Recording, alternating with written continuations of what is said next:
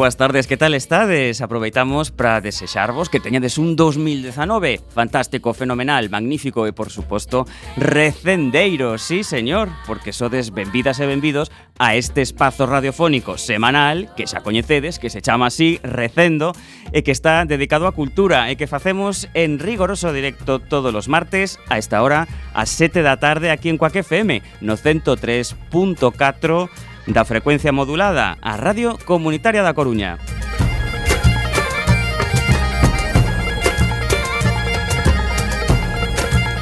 Non é outra que a agrupación cultural Alexandre Bóveda que presenta este programa que podedes escoitar en directo tamén a través da internet na páxina da emisora coacfm.org barra directo e tamén na aplicación móvil que non chegaches a tempo, non tes excusa, criaturiña, podes descargar todos os programas xa emitidos en Radioco, que ven sendo Radioco é o mega podcast da nosa emisora. Tamén podedes escoitalo na redifusión que será, temos tres, os mércores ás 8 da mañá, os venres ás 13 horas e na madrugada do domingo luns exactamente na medianoite. E a partir de agora, Seguídenos nas redes sociais se aínda non o facedes. Facedio xa neste 2019. Tanto a rede deste programa recendo como o da propia agrupación cultural Alexandre Bóveda que teñen abertos os seus canais en Twitter e Facebook ou na web www.acalexandrebóveda.gal.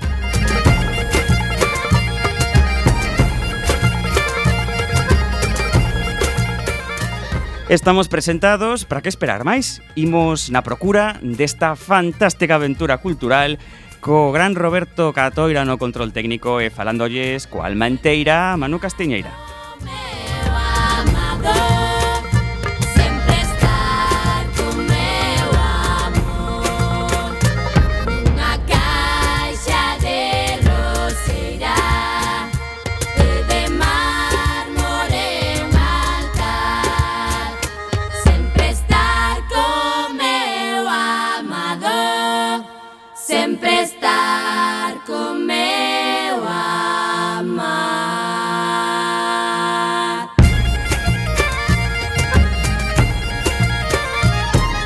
comezamos as emisións deste ano 2019 con o noso programa número 308. Contaremos como convidada con Lucía Aldao, que acaba de presentar o seu primeiro poemario Todo isto antes era noite.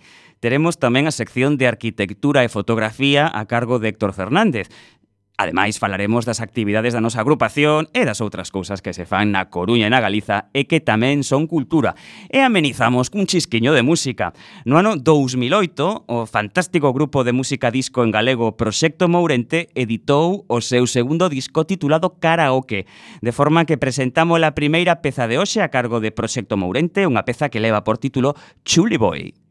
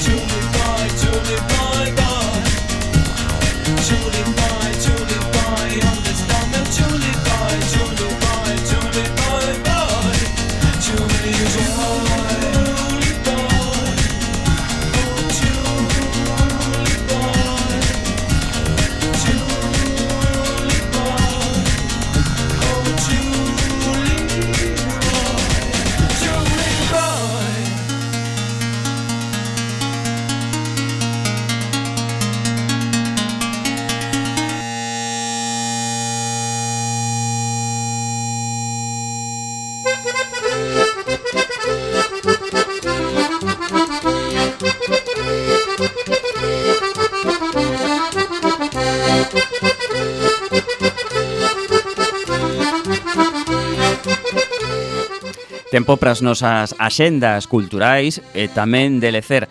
Comezamos, como sempre facemos, pola que corresponde a nosa agrupación, Asociación Cultural Alexandre Bóveda. E comezamos falando do xoves día 10 que eh, ven sendo pasado mañá.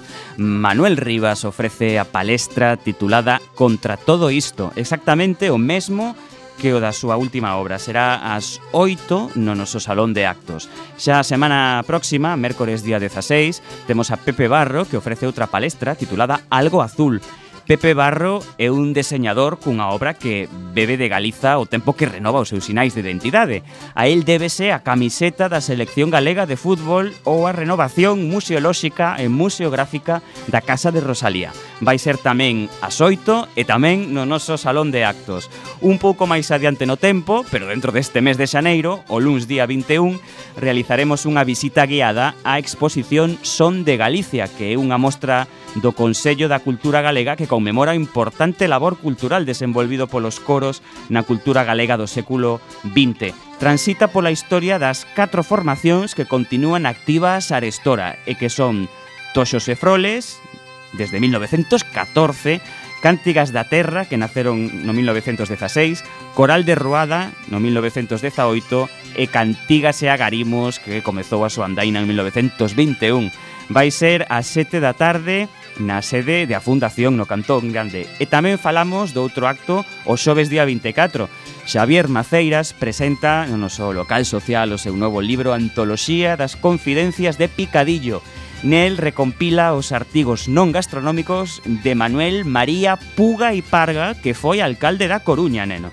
Neste libro rescata o picadillo xornalista que escribiu nos xornais El Noroeste e El Orzán, No acto participará, ademais do autor, Marga Fernández, directora artística do Grupo de Teatro Melandrainas. Vai ser as oito no noso Salón de Actos.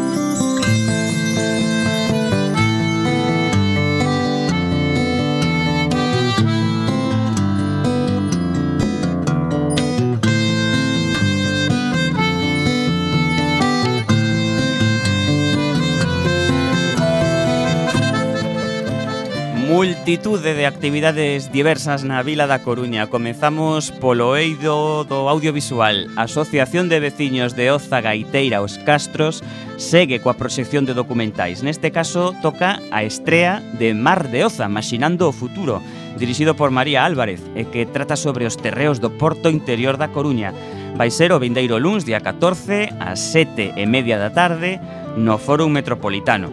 Este mes, nos cines do Fórum, hai dous ciclos diferentes. Un deles é sobre o director recentemente falecido Bernardo Bertolucci, do que esta semana se proxecta a película Asediada.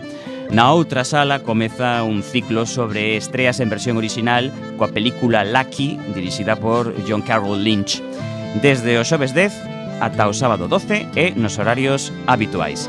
Imos agora ao ámbito das artes escénicas e atopamos que a Compañía dos Martín Teatro, composta por Carlos Martín e María Martín, representa a súa obra Quédate, que fala dun home que cae nunha forte depresión e o que a súa muller lle axuda a afrontar a realidade. Vai ser este venres día 11 ás 9 da noite no Fórum Metropolitano. Por outra banda, unha vez máis, a beneficio da Fundación Terra de Homes, celébrase a décima gala Terra de Maxia, coa participación de, pois temos a Víctor Noir, Martín Andersen, o Mago Rebo, o Mago Rufus, Kiko Pastur e Román García. Vai ser o sábado día 12 a 6 no Foro Metropolitano tamén. E de novo na nosa cidade xuntanse Carlos Blanco e Touriñán para representar o seu monólogo a dúo Somos Criminais, Será desde o Benres 11 ata o domingo 13 facendo un total de seis sesións no Teatro Colón. Agora ben, non sería raro que xa se esgotaran as entradas, é o habitual, cando se xuntan estas dúas estrelas da escena galega. Xa sabedes, todo foi culpa da fariña. Falamos un pouco de música. O celebérrimo concerto de Aninovo en Viena parece que gusta moito, así que a Strauss Festival Orchestra e o Strauss Festival Ballet Ensemble veñen a Coruña para tocar todas as pezas máis coñecidas do rei do vals, Johann Strauss. Será o domingo, día 13 a 7, no Pazo da Ópera. Correde que estas entradas tamén voan. E se queredes, revisitemos de novo o Templo Coruñés do Jazz para ver actuar o dúo San Mamed García, formado por Pablo San Mamed no contrabaixo e Alfredo García na guitarra. Será este venres que día 11, onde? Pois xa o sabedes, non? No Jazz Filloa, con pases ás 10 e ás, e ás 11 da noite. E, por último, falamos dunha exposición, O proxecto Fluxos é un traballo de recuperación do pasado en imaxes da barriada vertebrada pola antiga Nacional Sexta e a carretera e a estrada da pasaxe entre a Xubias e a Gaiteira. Inaugurouse, inaugurouse hoxe mesmo no Foro Metropolitano e poderá verse ata o día 26.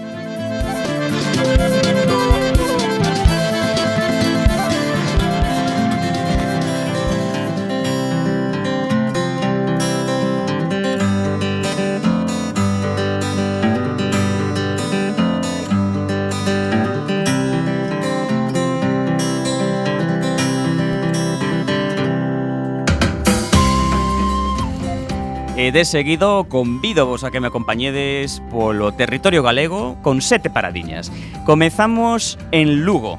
No taller de costura que comeza este xoves 10 podes aprender a usar a máquina de coser que moitas de vos seguro que non sabedes vai levarse a cabo ata o derradeiro xoves de xaneiro en el podedes coñecer os segredos da máquina, pois enfiar, cambiar as bobinas, diferentes tipos de puntadas, facer ollais, ademais de aprender a coser correctamente. Son grupos reducidos con máximo de 8 persoas, de 6 e media a 8, en mil cores na Ronda das Fontiñas 176.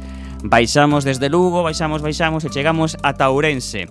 En clave de cámara presenta Resonance, que nace pola consunción de cinco músicos que deciden unirse para profundizar e difundir a interpretación de repertorio novo e descoñecido deste cuarteto de cordas e bandoneón, rendendo homenaxe ao repertorio dos grandes mestres compositores de quinteto con piano, como poden ser Dvorak, Schumann, Brahms, Fauré ou Shostakovich. Actúan os xoves ás 8 no Teatro Principal. Agora movémonos ata a costa e chegamos a Pontevedra. Raposadas é vos un espectáculo de contos de tradición oral con obxectos e monicreques a cargo de Raquel Queizás, unha colleita de contos populares de animais de tradición oral da nosa terra que alimentaron, alimentan e alimentarán a moitas nenas e a moitos nenos galegos. Se vos presta, e de velo este Benres día 11 a 6 na Biblioteca Pública Antonio Odriozola, situado na Rúa Alfonso 13, número 3 pegamos o noso clásico e tradicional chimpo para chegar ata a capital, ata Santiago. Un dos discos e unha das xiras do ano ben poden ser os de Tarque, A banda que o acompaña tamén resulta moi poderosa, a mesma que participou na grabación do álbum. As portas da Sala Capitol, onde vai ter lugar este concerto de rock, abriránse ás 9 cuarto do sábado día 12 e a actuación comeza ás 10 da noite. Capitol, por certo, está na Rúa de Concepción Arenal número 5. Volvemos baixar e chegamos ata Vigo. Seguimos roqueiros neste comezo de ano cun taller de rock and roll que vai haber este próximo domingo, pero no que se refire ao baile dos anos 50 que se estendeu pola comunidade branca, tomando claras influencias do Lindy Hop. Eche un baile moi dinámico e enerxético. Tedes dous cursos para escoller este domingo día 13. Iniciación pola mañá de 11:30 a 1:30 ou multinivel pola tarde de 5 a 7 en Malleu Swing na Rúa do Areal 138.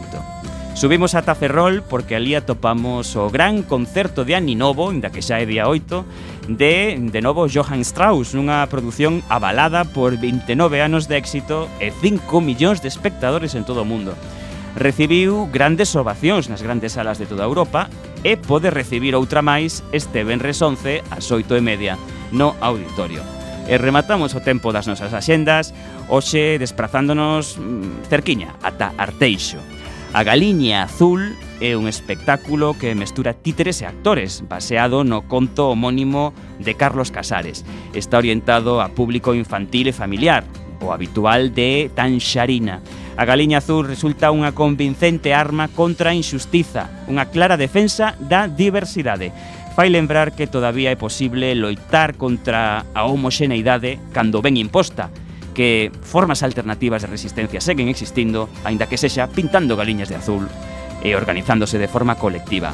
Vai ser no Auditorio CCC o Benres, día 11, ás 7.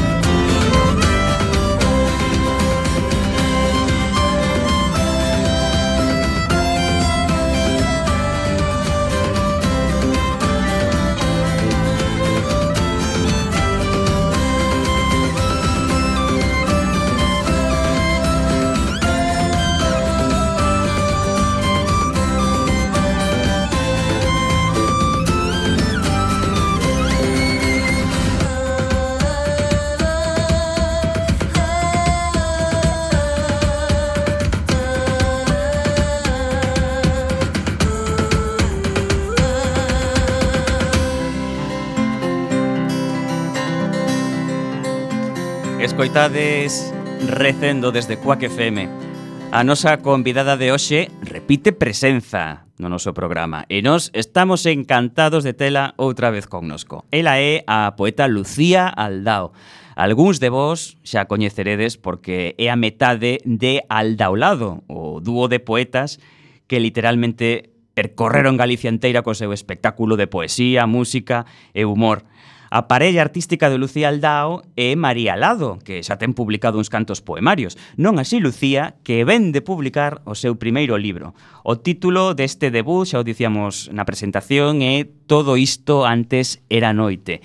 Segundo a autora, o libro abre tantas portas como pecha, a vez que ilumina e ensombrece tecendo un mapa de aprendizaxe sentimental, unha ruta nocturna a través do peor e do mellor das relacións da poeta coas demais e consigo mesma. Isto non lo contará.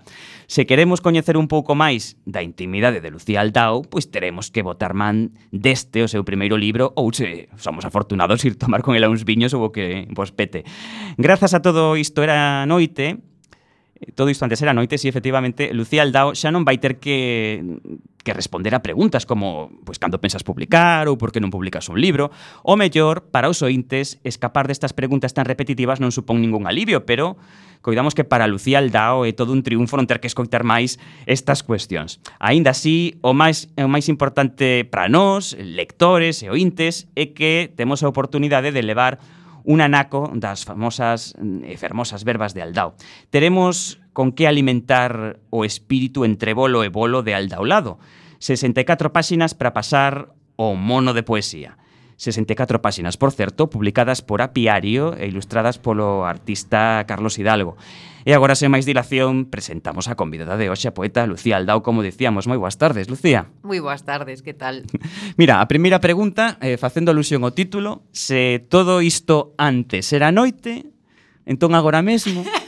que guai, que boa pregunta. Claro, aquí facemos boas preguntas, en xeral. Sí, sí, sí, xa vexo que tedes todo moi ben preparado. Eh, pois é todo isto antes era noite, agora que, pois desde logo agora é un espazo máis luminoso, digamos. Eh, eu sempre digo que que bueno, que no libro realmente non se pecha nada, non? O libro non, non é unha historia cun principio, cun algo que se desenrola e un final, non? É un, é un poemario, un conxunto de poemas, onde si se pecha algo, onde se dá esa pista e no título, non todo isto antes era noite, entón, pois bueno, fai unha referencia a, a unha etapa anterior e, e o feito de publicar un libro xa fai que se, que se peche unha porta, que se peche unha etapa uh -huh. e que comecen outras. Uh -huh. E falando da noite, cal ven sendo o peso da noite eh, na túa educación sentimental, por dicirlo de alguna maneira? Jo, pois a noite foi foi no case todo nunha, nun momento da, da miña vida e, e a noite no poemario pois hai moitísimas cousas, non? A noite o, O pano de fondo indiscutible do libro aparece nomeada de forma explícita en moitísimos textos, pero incluso cando non se nomea de forma explícita, pois em, tamén aparece igualmente, non? Pois a, a moitas relacións sentimentais acontecen pola noite, mm, Moitas vivencias acontecen pola noite, outras non acontecen pola noite, pero sí que teñen así certa escuridade que tamén se lle pode atribuir á noite.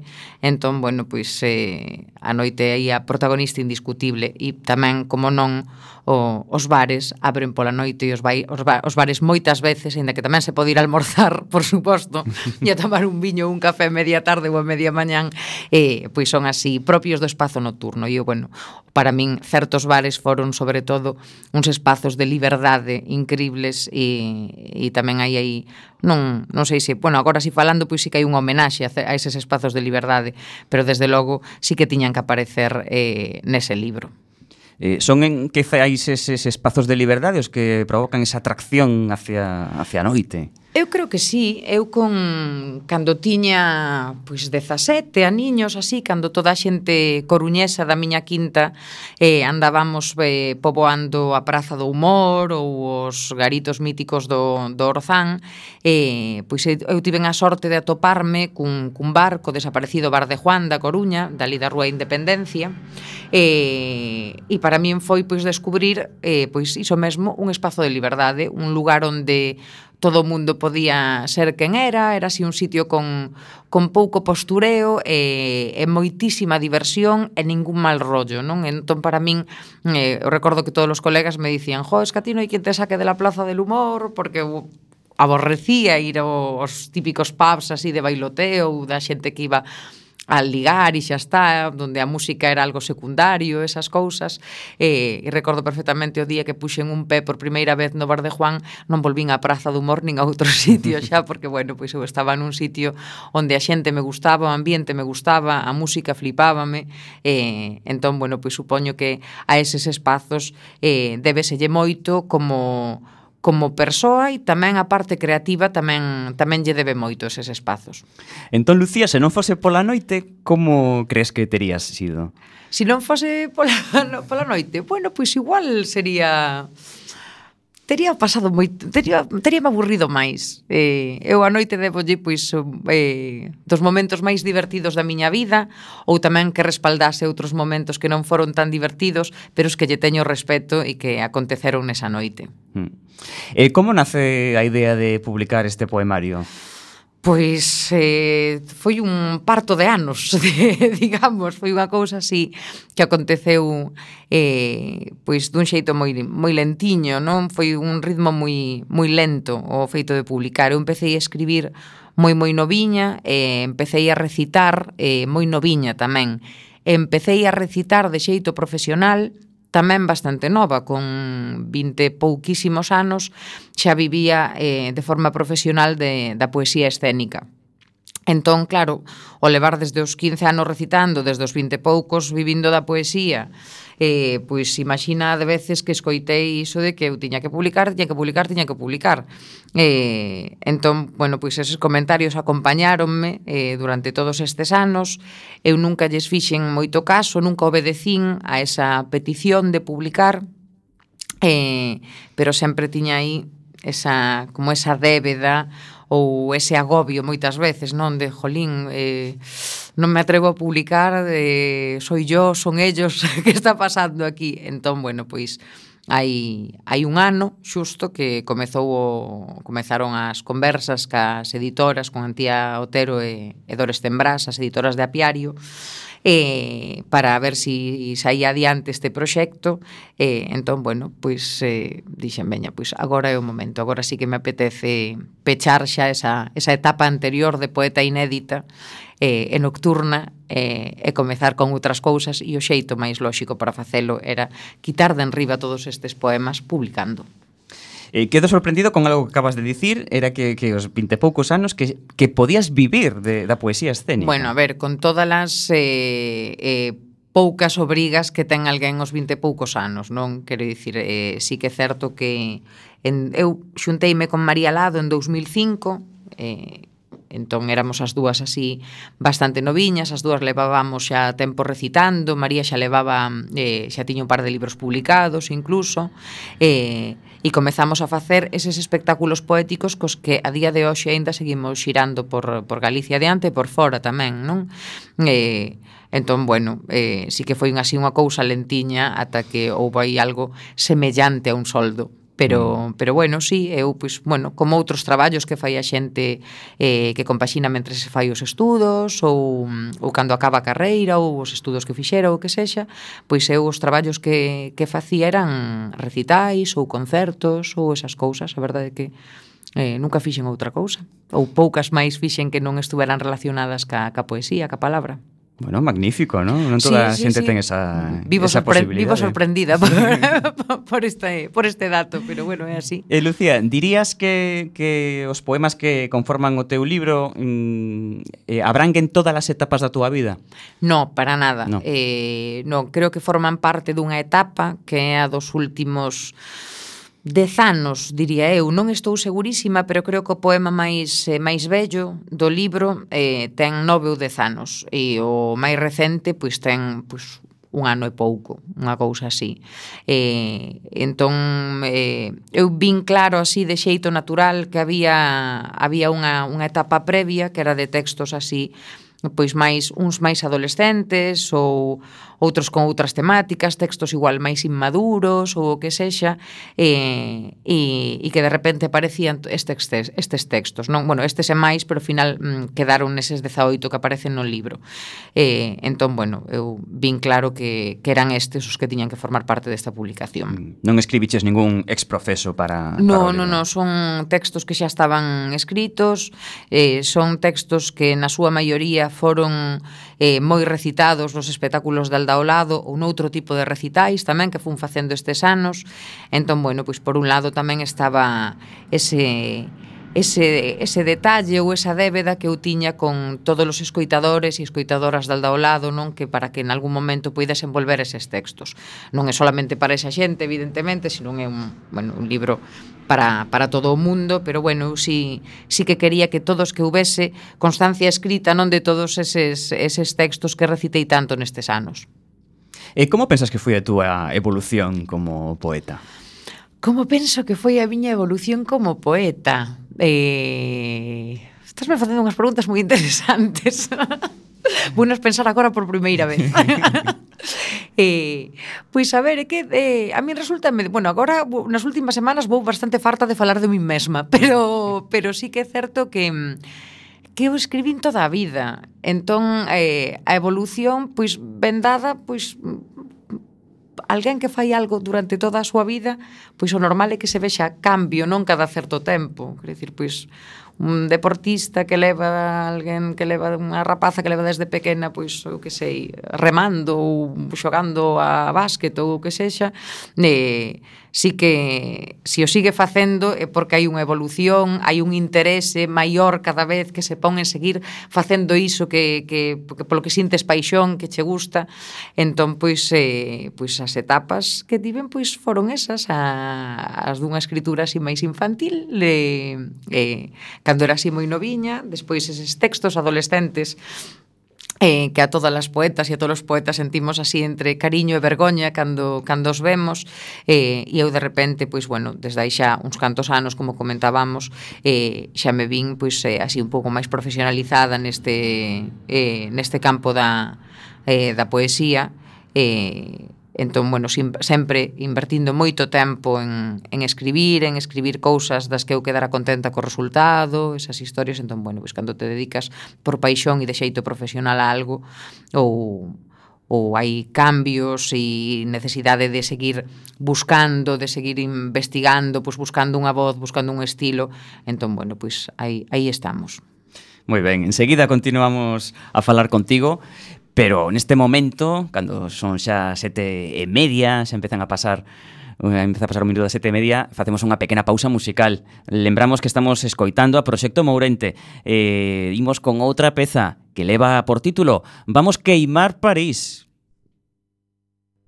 Xiano bran, no inverno vai calor, eu xa onde vai o mundo toleo.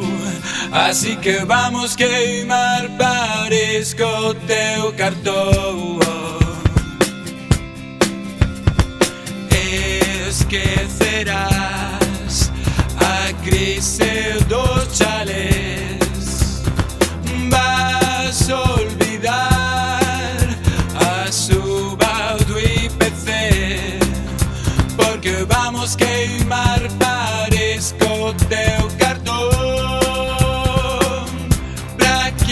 borrar.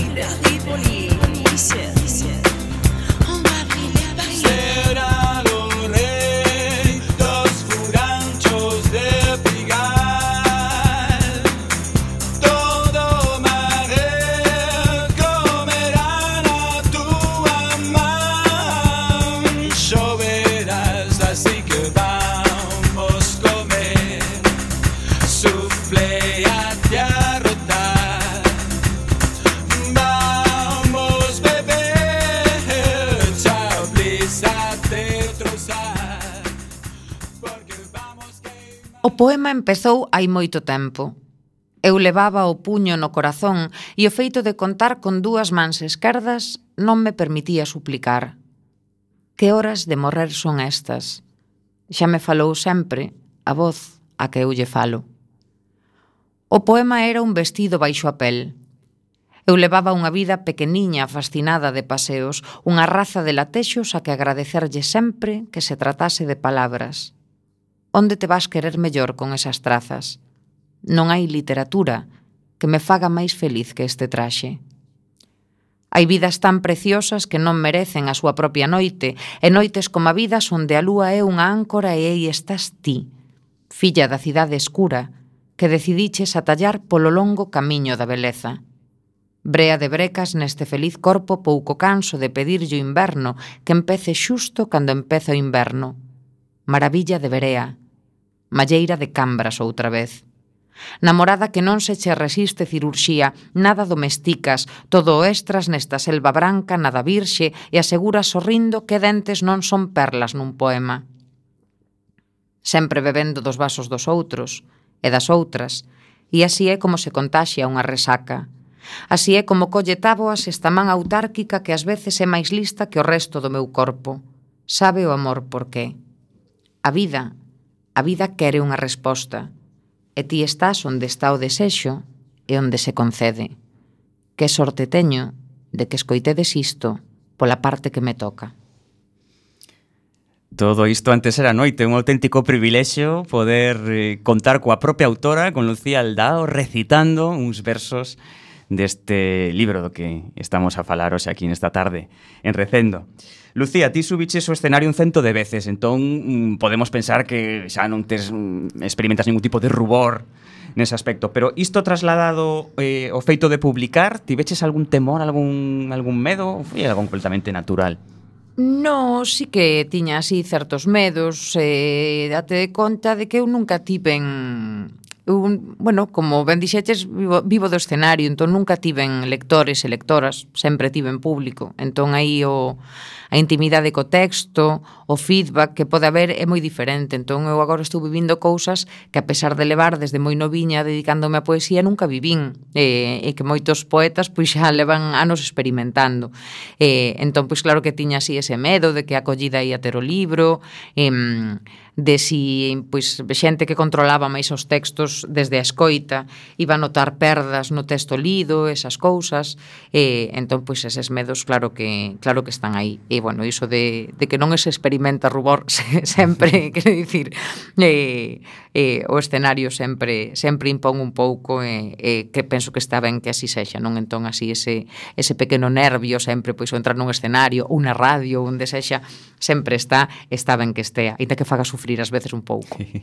E abandonas esta mística asociada ás poetas que non publican agora, non? Con, A con ver, este libro. Eu, eu respeto que publica e o que non publica e, e non, vamos, agora de repente non me vou facer aí eu, non vou eu a, a comerlle a orella ás poetas inéditas para que para que o fagan, nin moitísimo menos.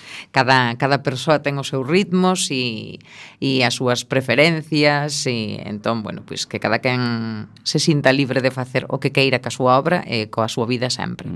Eh, crees que algo da Lucía que, que sube ao escenario eh, cunha guitarra eh, se perdeu eh, o, o levar os poemas a papel?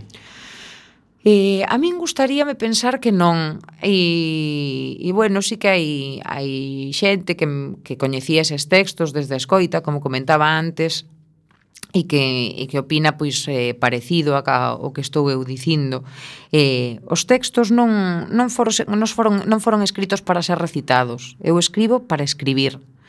Eh, entón, pois están tal cual a como foron recitados. Si que hai certos matices que se tocan, bueno, certas cousas que se matizan, non? Porque, bueno, a oralidade ten unhas exixencias que non ten, que non ten a escrita, pero están vamos, están calcados a, a como foron concebidos no seu momento. E, e entón son os mesmos que se escoitou que escoitou a xente ou que nunca escoitou, pero están agora por escrito. Entón, bueno, pois eu gustaríame pensar que, que non hai perda, non? Que hai aí unha, unha preocupación polo, polo ritmo, polas mensa, polas... Eh, pola, polas imaxes, eh, por esas cousas que, que se aprecia tanto desde a escoita como desde a lectura apreciase con, con intensidades diferentes, claro, pero, pero bueno, gustame pensar que están aí porque no que, no que baseo a miña escrita. Mm. Por tanto, non, non consideraches en ningún momento publicar un audiolibro? Sí, sí, sí que, sí que considerei, eh, e aí está a idea aínda. Eh, de feito, agora estou eh, gravando un, un disco en, en Berlín, eh, de, de, de música, claro, e aínda estou dubidando se si meter eh, texto recitado ou non, dicir, porque, bueno, eh, eh, para min, bueno, non é só unha, unha zona de confort, evidentemente, sino é algo que unha forma de expresión da poesía que me gusta, que me interesa, eh, pero bueno, non, aí está, así que sí que teño esa idea na cabeza e en algún momento, se non neste disco, farei algo así, porque bueno, cando, cando vives da, da cando a materia prima é a, é a voz, non pois, eh, bueno, pois non, non é raro que unha poeta eh, edite algo onde, onde a súa voz tamén este aí, non recitando. Mm. Eh, que opina outra metade de Al da ao lado deste libro? Estou moi contenta. Hai celos profesionais. Para nada, no. Dios mío, que banón, María, mas temos unha relación así moi moi moi bonita, moi pouco envelenada, senón dime ti quen, quen aguanta 14 anos cun, cunha parella artística que ainda por riba co, co volume de bolos que temos, non? Entón María está, está moi contenta. E díxome que desde o primeiro momento que vestían moito máis os textos así que non desas follas grampadas que levo que paseo por aí adiante. E, e nada, e un, agora o único que quere María é que eu saque o carnet de conducir que é o único que me falta para facerme poeta adulta. Bueno, se tío Dis. dio ela, dio ela. Lucía, se che pregunto por influencias como poeta, eh, se xan influencias literarias ou de calquera outro tipo? A ver, pois pues esta, é, esta é a pregunta que odiamos todas as poetas. Pero está ben que me afagas.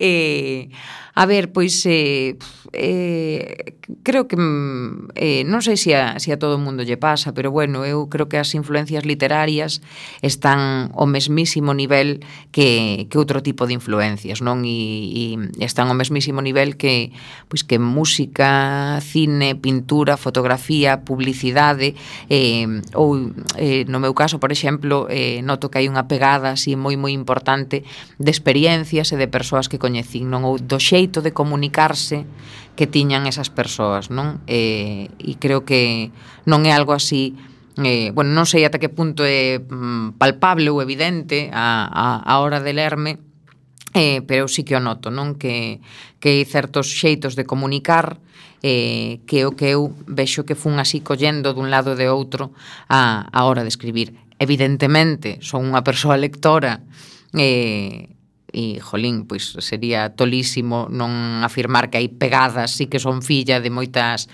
de moitas lecturas que fixen. Eh, pero bueno, pero iso, o que che digo que están á mesma altura que moitas outras influencias. Por suposto. Volvemos enseguida contigo, Lucía, pero agora temos o momento que dedicamos a nosa sección de arquitectura e fotografía con Héctor Fernández. Esta é a súa sintonía. Mais, quanto mais feliz ser.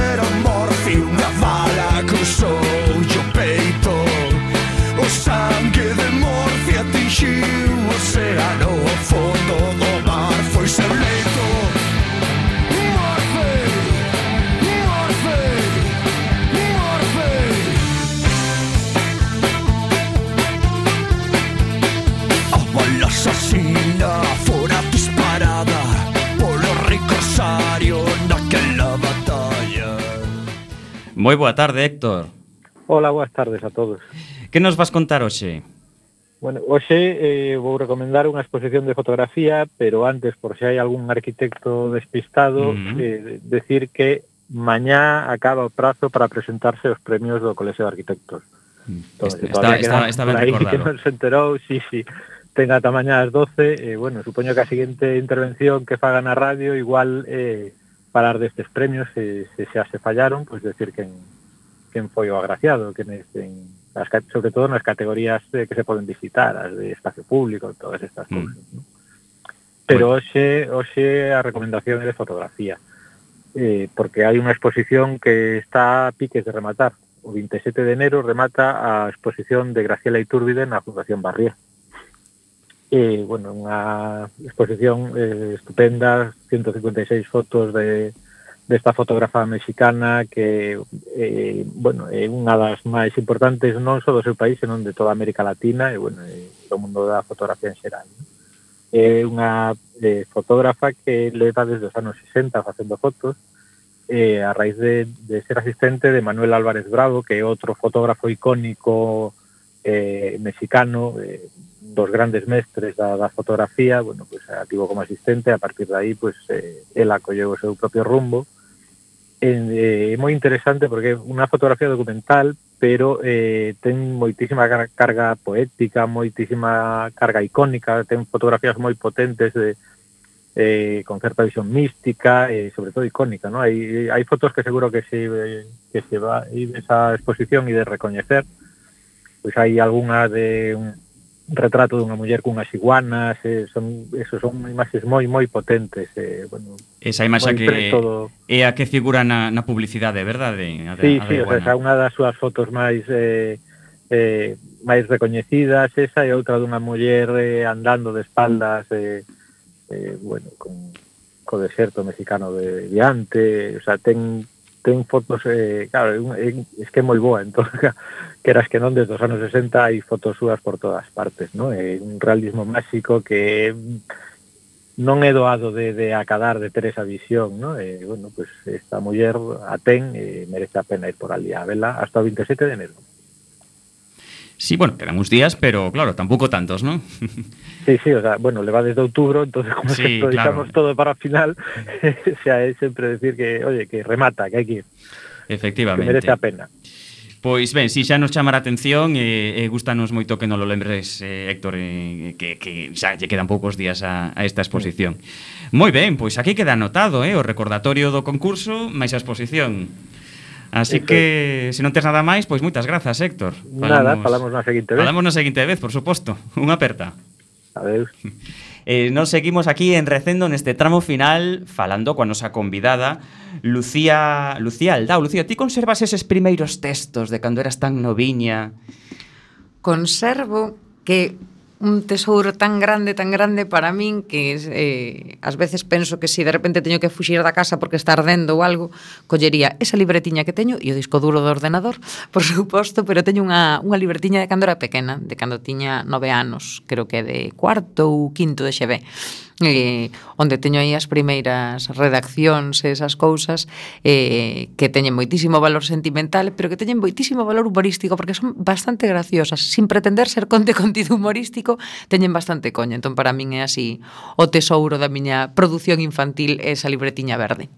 Eh, lembras por que motivo se houbo eh, te encamiñaches hacia a poesía e non hacia outro xénero literario?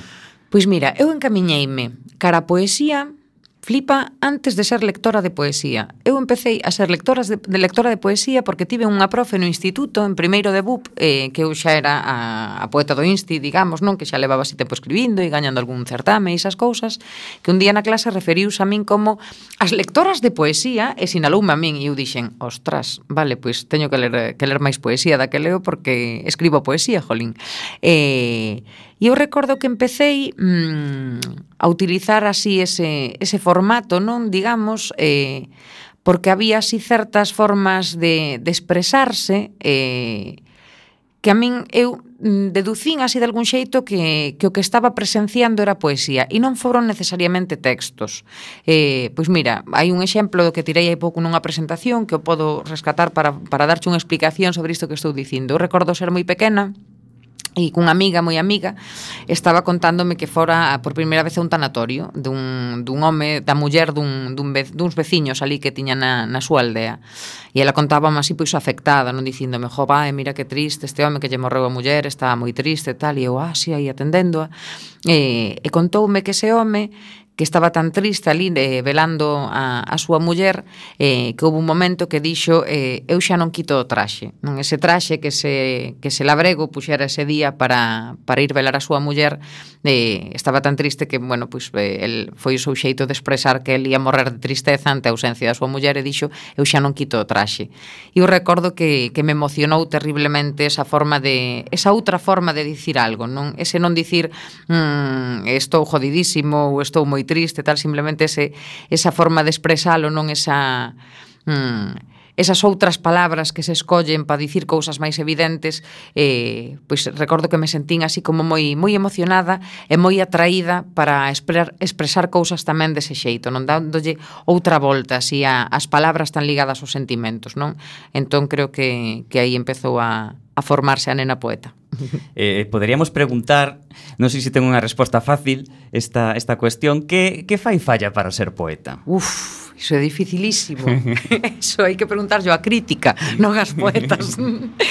non o sei, a verdade, imagino que, bueno, eh, gustame pensar que hai certa sensibilidade eh, pero é unha sensibilidade adestrada, non? Adestrada en, en anos de escritura, en moitas horas de escritura, eh, de moitas lecturas, de, bueno, de viaxes, de, de escoitar moitas cousas eh, entón supoño que, que bueno, igual jo, non quere dicir que todos os poetas sexan bellísimas personas eh, cunha sensibilidade increíble, pero bueno, desde logo sí que certa sensibilidade ca palabra e outros ingredientes dos que non teño nin idea porque senón todo o mundo sería poeta, entón aí sí que a verdade é que non che sei responder. eh, mira, Lucia, o, o título eh, semella como unha despedida da noite. Eh, isto, bueno, isto é así, e logo tamén isto é posible, no? E, despedirse da noite, ti ademais que sigues subindo o escenario con moita frecuencia. Sí, eh, non é unha despedida da noite, pero bueno, desde logo eh, hai hai unha outra madurez aí, non, que que deixa de lado un pouco pois unha etapa así de pois de certa lixeireza de vivir, digamos, non así moi eh, tuve unha etapa así importante da miña vida, pois máis baseada na, na festa, na en estar en contacto ca xente en todo momento, non? Eh, e iso sí que sí que o teño así un pouquiño máis de lado, non? Eh, por totalmente por por por elección, quero dicir, eu, bueno, pois eh, eh temos un traballo así que que exixe ter moita enerxía, Eh, entón pois hai que hai que respetar e coidar o ánimo, non? Entón pois eh, non ten sentido mm, facer demasiada vida social, digamos, andar esgotándose en demasiada vida social cando tes que reservar enerxía para para estar moitas veces en riba dun, dun escenario. Entón, pois agora eh, as festas son moito máis contadas, por exemplo, eh, Mm, bueno, pois eh, ese holgorio así de, desa de etapa pois eh, agora eh, cambiouse por outras cousas que, que son igual de guais que son, bueno, agora é eh, darlle valor a, a outro tipo de cousas non? Entón non é unha despedida eh, o título ademais, bueno, pois xurdiu eh, mm, xurdiu de saiu da, da cabeciña maravillosa do outro poeta de Xavier Cordal porque eu botei bastante tempo intentando buscar un título para, para este libro e non fun quen de atopalo. Entón o título regaláronmo eh, e fai referencia a iso que dicimos tantas veces cando cando medramos, non iso de todo isto antes era monte ou todo isto antes era campo. Mm. Pois eh, é aí unha, unha voltiña que se lle deu a esa, a esa frase que tantas veces dicimos e que se converteu en todo isto antes era noite. Mm. Moi ben, antes de despedirnos de ti, imos facer outra moi pequena pausa musical, seguimos escoitando a Proxecto Mourente, en este caso chega a quenda do tema que leva por título Cara karaoke.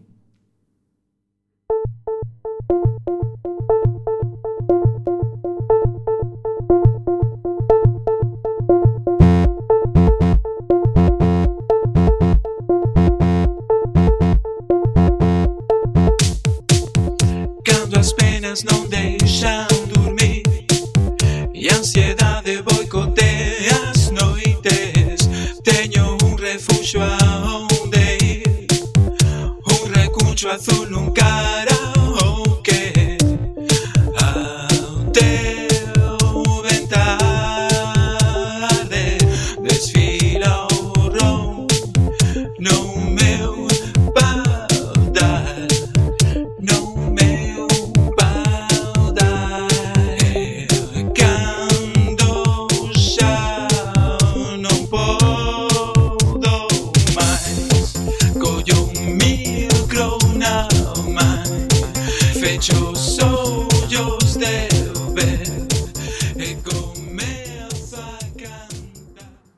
que esta é a pelca que esperta un dragón.